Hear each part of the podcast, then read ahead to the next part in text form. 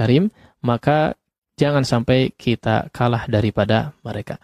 Itu saja mungkin yang bisa disampaikan. Ya, kurang lebihnya saya mohon maaf. Wallahu taala a'la wa a'lam. Sallallahu ala nabi Muhammad wa ala alihi wa sahbihi wasallam. Wassalamualaikum warahmatullahi wabarakatuh.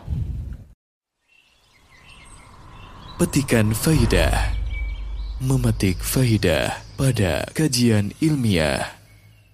Menjadi pemaaf itu sebuah keuntungan yang besar daripada pendendam. Pendendam nggak ada maslahat malah ada madarat. Memaafkan hanya ada maslahat tak ada madarat. Pertama memaafkan ini ciri khas orang bertakwa. Allah menyatakan wal afina anin nas. Orang bertakwa orang yang selalu memaafkan manusia. Itu yang pertama. Yang kedua, memaafkan dosa orang lain, kesalahan orang lain menyebabkan Allah mengampuni dosa-dosa kita. Mengampuni dosa-dosa kita tuh ya. Sebagaimana ayat Allah menyatakan di dalam Al-Quran dalam surah An-Nur ya ayat berapa sekitar 24 atau 25 sekitar segitulah ketika Abu Bakar As-Siddiq radhiyallahu an seorang dermawan seorang yang baik jangankan saudara Orang lain pun yang nggak ada hubungan kekeluargaan kalau butuh pertolongan pasti ditolong. Sejak di Mekah sampai ke Madinah. Ada tuh orang yang punya hubungan kekeluargaan sejak di Mekah di, dibantu sampai pindah ke Madinah juga dibantu. Pokoknya budi jasa Abu Bakar kepada orang ini nggak kehitung. Mestinya gimana? Mestinya orang ini kan selalu membantu Abu Bakar dan keluarganya menyayangi gitu kan? Suatu saat terjadi kasus hadithul ifki. Berita bohong tentang Aisyah radhiyallahu anha. Aisyah ini difitnah yang bersumber dari mulut orang-orang orang-orang munafik yang busuk. Bukannya orang-orang yang pernah dibantu oleh Abu Bakar ini membela Aisyah dan keluarganya. Apalagi Aisyah istri Nabi alaihissalatu wassalam. Aisyah putri Abu Bakar seorang dermawan yang banyak jasa ke banyak orang. Bukannya membela kehormatan keluarga Abu Bakar, malah ikut menyebarkan fitnah ini. Siapa yang sakit hati? Peribahasa menyatakan air susu dibalas dengan air tuba. Kebaikan dibalas dengan keburukan, kejahatan.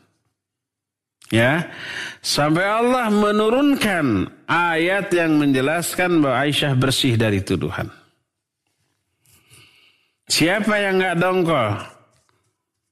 Orang yang selama ini dibantu, diberikan kebaikan, eh pas dia kena musibah bukannya mendukung malah ikut menjerumuskan. Termasuk Abu Bakar dongkol. Lalu dia bersumpah, Wallahi demi Allah saya tidak akan bantu-bantu lagi mereka.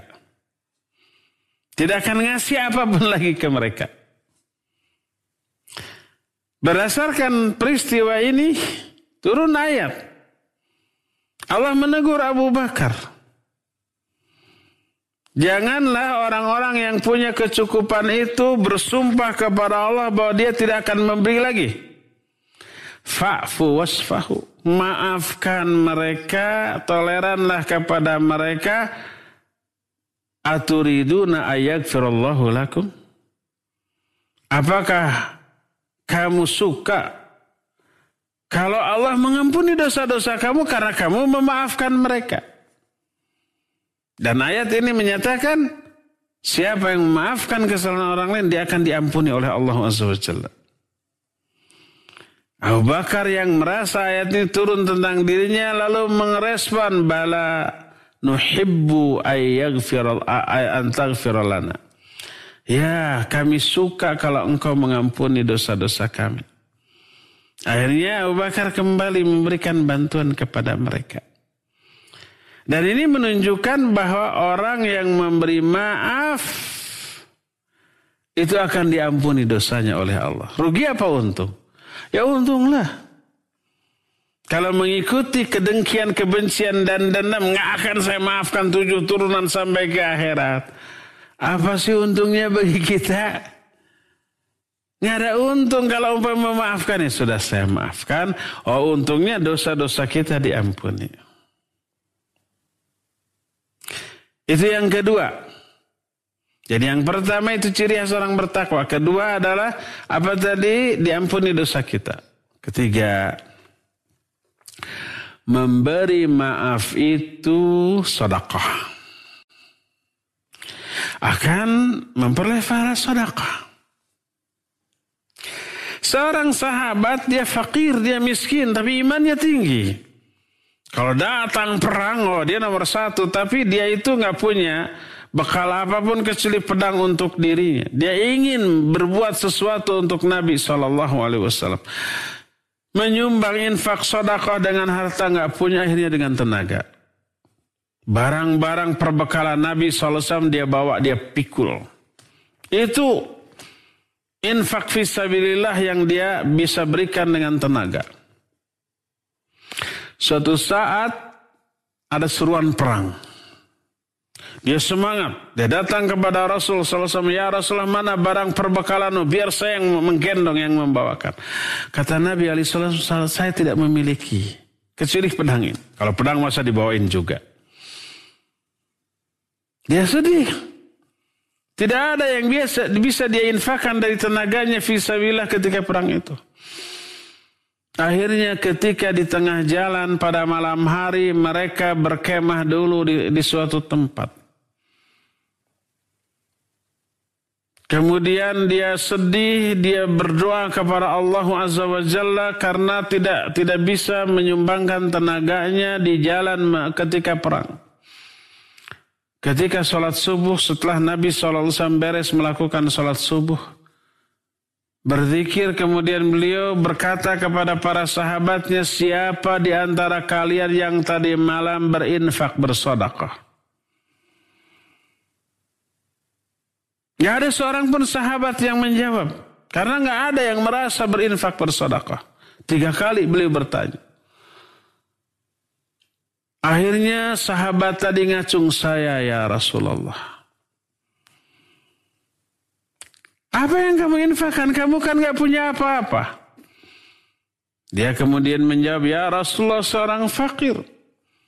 Tak bisa berinfak dengan harta, tapi saya berinfak dengan apa? Dengan tenaga. Setiap kali ada perang saya bawakan barang-barangmu. Tapi perang kali ini engkau tidak membawa apa pun kecuali pedang. Saya sedih. Lalu tadi malam saya berkata kepada Allah, Ya Allah, Siapa pun yang pernah bersalah, berbuat dolim, berbuat dosa kepada saya, saya maafkan mereka ya Allah dan maaf saya ini sebagai sadaqah saya bagi mereka.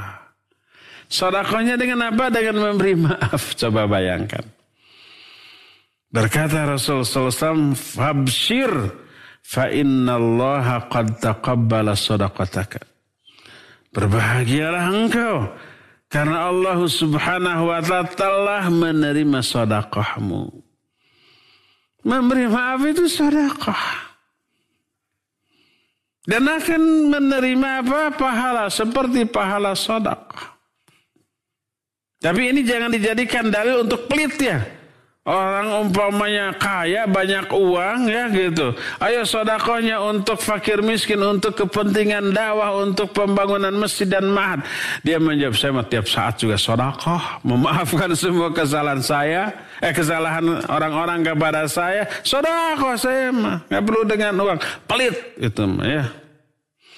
Sodakoh dan memberi maaf itu bagi orang yang tidak mampu bersodakoh dengan harta.